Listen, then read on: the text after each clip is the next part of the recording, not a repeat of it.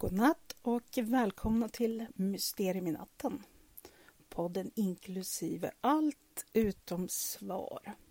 Jag heter Anna Skylla och jag sitter självklart inne med ännu ett ganska obehagligt mysterium även denna söndagskväll. I början av mars 2024. Jag tänker på förra veckans avsnitt där en hel koloni försvann utan ett spår. Visst är det snäppet lite mer obehagligt när ett helt gäng försvinner på samma gång utan förklaring. I natt ska jag berätta för er om natten då tre kvinnor försvann spårlöst samtidigt. Klockan 16 den 6 juni 1992 anslöt sig den 19-åriga Susie Streeter och hennes 18-åriga kompis Stacey McCall till sina klasskamrater inför deras examen från Kickaboo High School. Ceremonin hölls vid Missouri State University. Efter examensceremonin så gick flickorna skilda vägar för att njuta av riktigt mysiga festmiddagar med sina familjer innan de lite senare beslöt sig för att mötas upp. Och då hos deras gemensamma vän Janelle Kirbys hus. Eftersom de hade planerat att ja, hänga med då på den här festen som skulle ske i hennes slash hennes grannhus. Det var väl lite som en gårdsfest skulle jag väl kunna tänka mig. Efter festen tänkte de resa till Branson, Missouri och tillbringa natten på ett motell i hopp om att besöka Whitewater Water Park nästa dag. Klockan 22 ringde Stacy sin mamma, Janice McCall, för att informera henne om att trion inte längre skulle resa till Branson den kvällen och de skulle istället tillbringa natten i Janelles hus eftersom de hade alldeles för kul för att kunna bryta upp där på festen. Samtalet var en lättnad för Janice som egentligen inte ville att flickorna skulle köra ända till Branson mitt i natten. Ifall de skulle få punka eller motorstopp eller något sånt där. När klockan slog 22.30 ringde Susie sin egen mor, Cheryl Levitt, för att diskutera hennes planer då för kvällen eller natten. Klockan 23.15 ringde Cheryl till en vän som hon pratade med om sina planer för natten som inkluderade en omklädsel av en möbel i hennes sovrum. Väninnan berättade efteråt att det fanns inget i Cheryls röst som avslöjade någon som helst stress eller rädsla eller nervositet och det fanns inget konstigt bakgrundsljud heller. När festen var över så gick de tre flickorna till Janelles hus. Det visade sig dock vara väldigt mycket folk där, släktingar. Varav då några som Janelle inte ens hade träffat förut. Som hade rest in då från andra delstater för att bland annat delta i examensceremonin som hade ägt rum den eftermiddagen. Det gjorde att Susie och Stacy istället bestämde sig för att tillbringa natten i Susies hus som var beläget i 1700-talskvarteret Dalmore Street i Missouri. Hellre att de då fick åka en liten bit och sova i en superhärlig ny vattensäng än att trängas på ett hårt golv inne hos Janelle, tyckte de. Vattensängen var förresten en examenspresent som Susie hade fått. Vattensängen var superpoppis där i början på 90-talet, 80-talet. Och jag hade faktiskt, eh, då jag bodde i USA, då hade jag vattensäng. Det rekommenderar jag inte till någon. Man blir lite så här lätt sjösjuk när man ska ska sova. I alla fall, de två lämnade Janelles hus i separata bilar och gick med på att ringa sin kompis på morgonen. Klockan nio på morgonen den 7 juni ringde Janelle sina vänner eftersom hon ännu inte hade hört något från dem. Men hon fick inget svar. Efter flera försök körde hon och hennes pojkvän till Susies hus för att se om de redan hade åkt till det här vattenlandet som de sa att de skulle till nästföljande dag. Direkt när Janelle och pojkvännen kom fram till uppfarten till Susies hus så märkte båda två att Cheryl, Susie och Stacys bilar fortfarande befann sig på uppfarten. När de närmade sig huset ännu lite mer så såg de att glaskupan som satt runt verandalampan hade krossats och glasbrittet täckte i princip hela verandan. Medveten om att den där röran förmodligen skulle uppröra den något pedantiska Cheryl så borstade de snabbt upp krosset till en liten hög på sidan och eh, sen så tänkte de att de skulle kasta det när de gick därifrån. Eh, och Janelle kände då försiktigt på dörren efter att ha knackat upprepade gånger utan svar.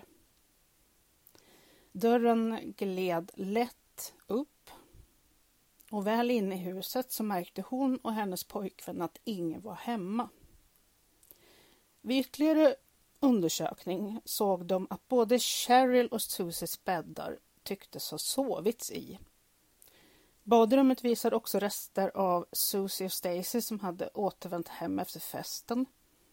Vissa smycken som de hade haft på festen låg fint och prydligt bredvid handfaten och de hade helt klart tagit bort sminket och torkat av sig sminket. När pojkvännen tittade Genom huset började Cinnamon, Cheryls lilla hund, helt plötsligt att skälla inifrån badrummet. Hunden var alltså instängd och helt klart väldigt stressad. Det noterades också att Cheryl och Susies cigaretter och tändare hade lämnats kvar. Att Cheryls cigaretter hade lämnats kvar var nog det otäckaste av allt.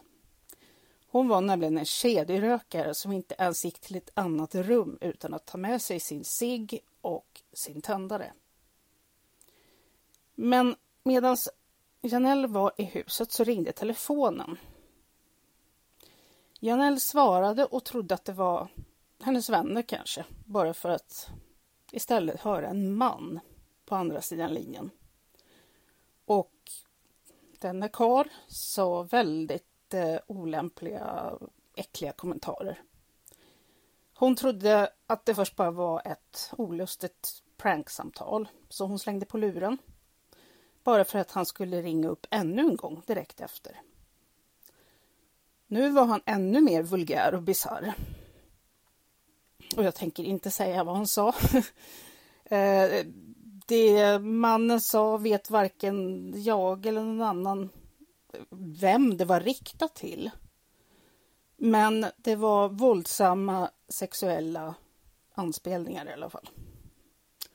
Sen hördes denna manliga figur inte av igen, så vitt någon vet.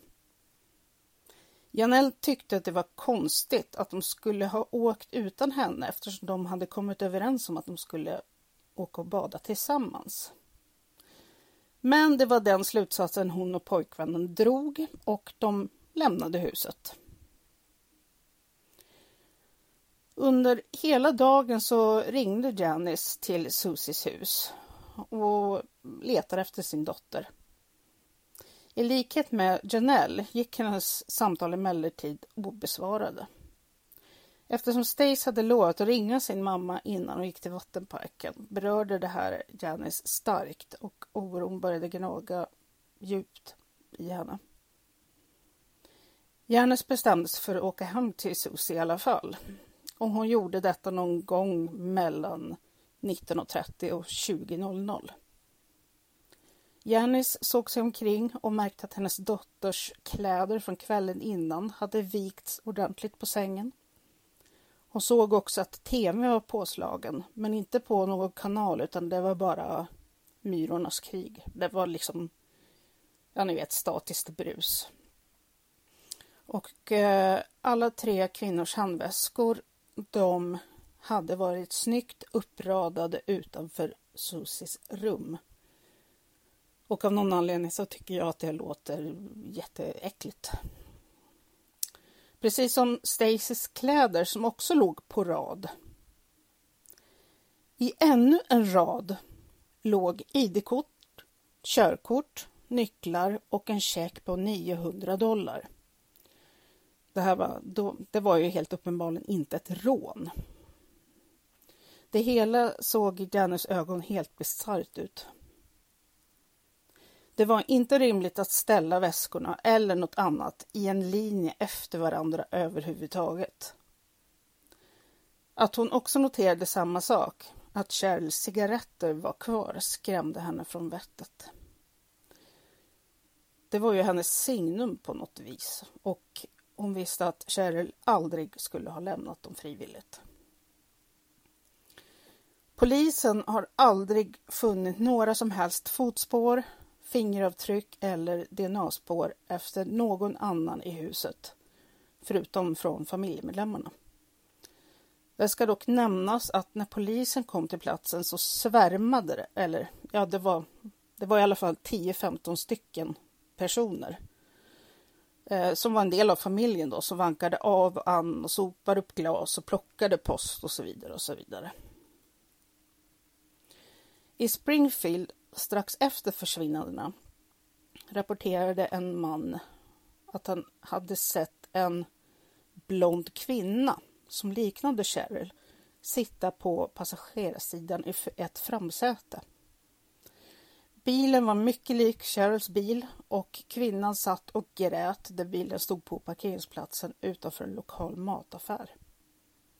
Eftersom hon och bilen verkade misstänkta skrev han ner registreringsnumret.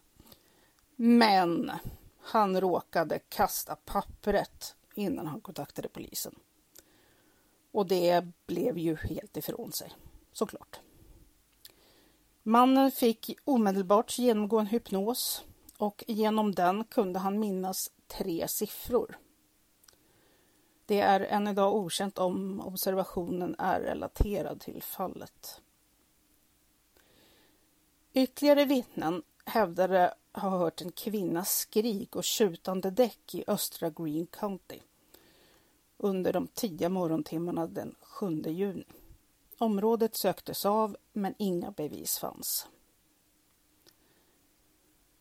När utredningen fortsatte krävde Janice McCall att berättelsen skulle finnas kvar i de lokala nyheterna i alla fall, oavsett om det hade inkommit nya ledtrådar eller ej. Hon kände att bara, bara det att liksom deras bilder och namn kunde få nämnas eller stå med någonstans eh, med jämna mellanrum så fanns det åtminstone en liten chans att det kanske skulle kunna lösas.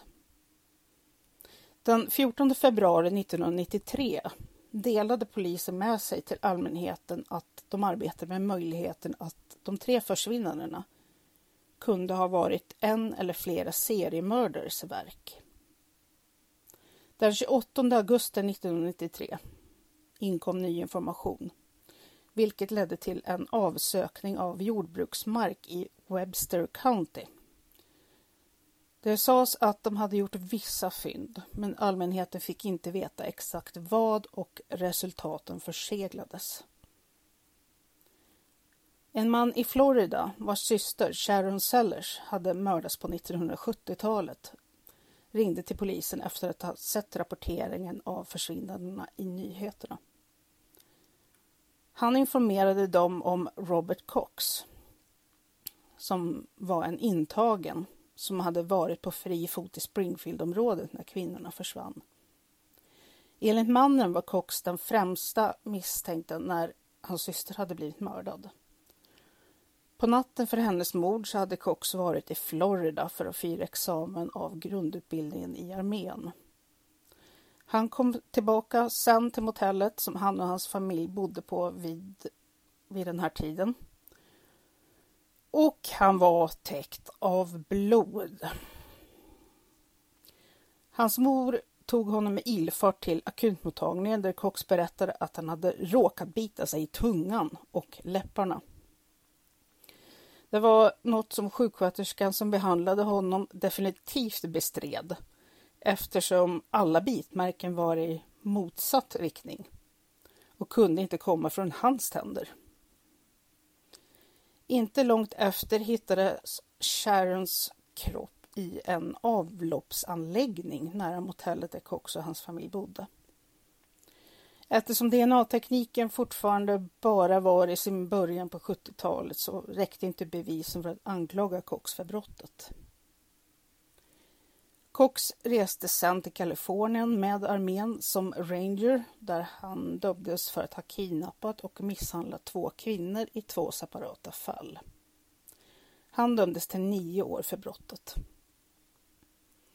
85 greps Cox i Florida och åtalades för mordet på Sharon.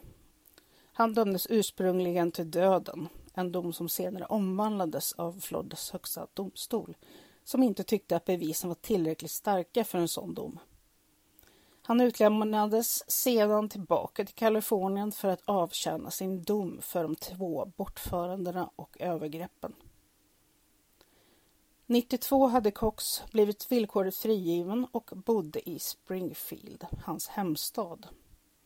Sedan dess hade familjen Sellers hållit koll på honom. Och vid tiden för Susie, Cheryl och Stacys försvinnanden så arbetade han på ett jordbruksföretag i närheten. Efter att ha fått veta mer om Cox började utredare titta på hans förflutna och där fick de veta att han hade tidigare varit en mekaniker på samma bilfirma som Stacys far arbetade på som säljare. När hon och hennes systrar ibland kom till deras pappas jobb för att ta med honom kanske ut på en bit mat eller liknande så ledde det till, till eh, spekulationer om att Cox kanske hade sett Stacy någon gång då och då och fastnat för henne helt enkelt. När Cox fördes till förhör hävdade han att han deltagit i en golfturnering på kvällen för försvinnandet. Innan han så småningom tillbringade natten hos sina föräldrar. Nästa morgon körde han sin flickvän och hennes barn till kyrkan. Och eh, det är en berättelse då som bekräftades av den nämnda flickvännen. 92 ringde en anonym uppringare till America's Most Wanted efter att programmet hade sänt fallet. Samtalet kopplades dock bort innan han kunde kopplas vidare till en utredare. Polisen tror att den som ringde visste något som kan ha varit av rätt stor vikt. Så de skickade ut begäran i tv-programmet om att han skulle ringa tillbaka snarast. Han kontaktade dem aldrig igen. 95 arresterades Cox i Texas för grovt rån och dömdes till livstid. Efter att ha fått veta det här så återvände då Springfield-polisen till sitt alibi och fann att hans flickvän hade dragit tillbaka hennes första historia och hävdade att Cox hade sagt till henne att säga vad hon skulle säga och att hon ärligt talat inte visste var han hade varit den kvällen för försvinnandet, eller försvinnandena. På frågan varför hon ljög sa hon att hon var orolig för att han hade varit inblandad i andra brott. Hon hade absolut inte varit medveten om de här tre kvinnorna som saknades vid den tidpunkten. Då. Springfield-polisen reste sedan till Texas där de intervjuade Cox tre gånger. Medan han sa några intressanta saker i ena sekunden så nekade han i nästa och sa att han inte hade något med det hela att göra och att polisen skulle bara lämna honom i fred. Han sa för övrigt också att han inte tänkte dela med sig av någonting förrän hans mor dog. Vad nu det ska betyda. Myndigheterna är osäkra på om Cox faktiskt är involverad i ärendet eller om han helt enkelt bara söker uppmärksamhet genom att utfärda falska uttalanden. 96 reste en Springfield nyhetsreporter till Texas för att intervjua Cox. Under deras möte sa han att de tre kvinnorna var döda och att personen som hade dödat dem, han hade tidigare erfarenhet. Han trodde också att kvinnorna hade begravts mycket nära Springfield. 97 förklarades Cheryl och Susie döda. År 2001 så öppnades ärendet som sedan blivit kallt igen. 2003 undersökte utredarna en övergiven gård som ligger söder om Cassville, Missouri. Kadaverhundar fördes in och visar intresse för olika områden runt på gården. Dessutom togs DNA-prover från det övergivna huset på fastigheten. Men inga matchningar gjordes för de saknade kvinnorna. I mitten av 2000-talet tog en lokal brottsreporter upp historien och fick många tips från allmänheten. Hon hävdade att många hade ringt in för att säga att kvinnorna var begravda under det södra parkeringsgaraget på Cox Hospital. 2007 kontaktade reporten en mekanisk ingenjör som använde radar för att se om kvinnorna då i själva verket kanske hade begravts under parkeringshuset. Den resulterade i en bild som visade tre avvikelser som han sa stämde överens med en möjlig plats för tre gravar. Emellertid säger utredare att det inte finns tillräckligt med bevis för att gräva upp parkeringsgaraget. Det skulle bli extremt dyrt helt enkelt. Ingenjören erbjud, erbjöd sig då att betala för den här utgrävningen till och med. Men polisen vägrade. Enligt dem byggdes inte parkeringshuset förrän ett år efter att kvinnorna saknades, så en grävmaskin skulle troligen ha grävt upp kropparna om de hade begravts på tomten. Polisen säger att det fortfarande kommer in tips om ärendet med en takt på cirka ett eller två tips i månaden. Sammanlagt har det kommit in cirka 5000 tips och polisen har nu dryga 27 000 dokument i fallet. Under undersökningen har de undersökt tusentals tips. Utom de tre märkliga avvikelserna under parkeringen. Då. De flesta av de som var involverade i utredningen anser också att Robert Cox var delaktig i försvinnandena. Vissa spekulerar i att han kunde använt sitt jobb för att komma in i huset och eventuellt säga till flickorna, eller kvinnorna då, att det fanns en gasläcka till exempel. Denna teori stöds ytterligare av det faktum att Cox tidigare arbetat på samma bilfirma för begagnade bilar som Stacys far och av de uttalanden som han har gett till polisen genom åren det finns också ante en anteckning i en bok som kan vara skrivet av Cox, även om det inte är 100% bevisat, där det står Använd påhittad gasläcka för att komma in. Polisen har dock ännu inte samlat tillräckligt med bevis för att antingen bevisa eller motbevisa hans inblandning i fallet. Vissa andra tror att kvinnorna har kidnappats och att deras bortförande hade planerats långt i förväg.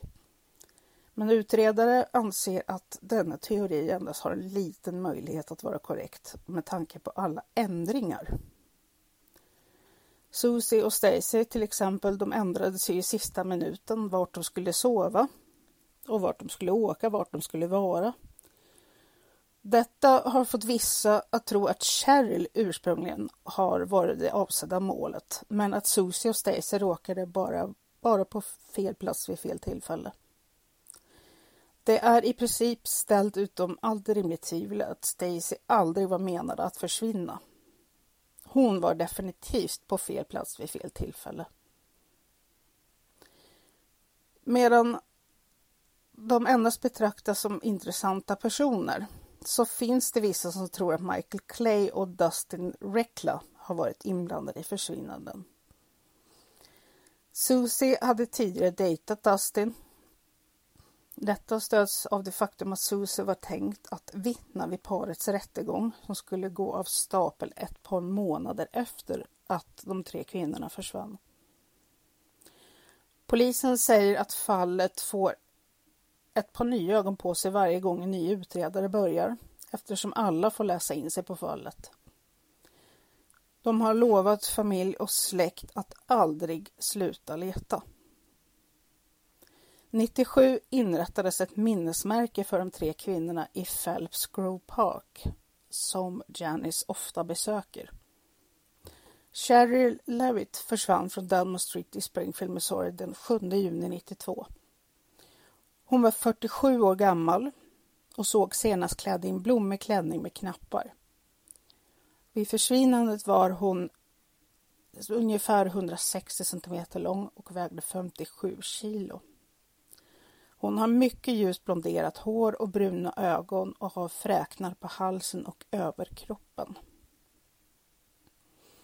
Susie Streeter försvann från Delmar Street i Springfield, Missouri den 7 juni 92.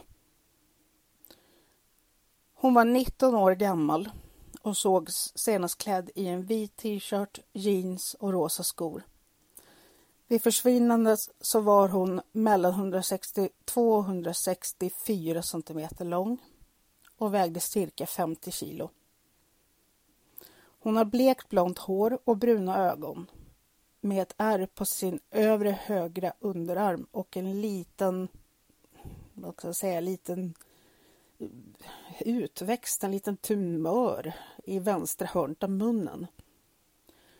Båda, båda öronen hade två, alltså två um, hål i vardera örat. Stacy McCall försvann från Delmar Street i Springfield, Missouri den 7 juni 92. Hon var 18 år gammal och såg senast klädd i en gul skjorta, blommig shorts ett fiskbensmönstrat halsband, en ring med en liten diamant och en enkel guldring. Vid försvinnandet så var hon 164 centimeter lång och vägde cirka 60 kilo. Hon har mörkt blont hår och blå ögon med fräknar i ansiktet, en grop i mitten av hakan och födelsemärken nära hennes överläpp och på sin högra arm. Hon hade hål i öronen men sannolikt hade hon inga örhängen på sig när hon försvann då de låg vid handfatet.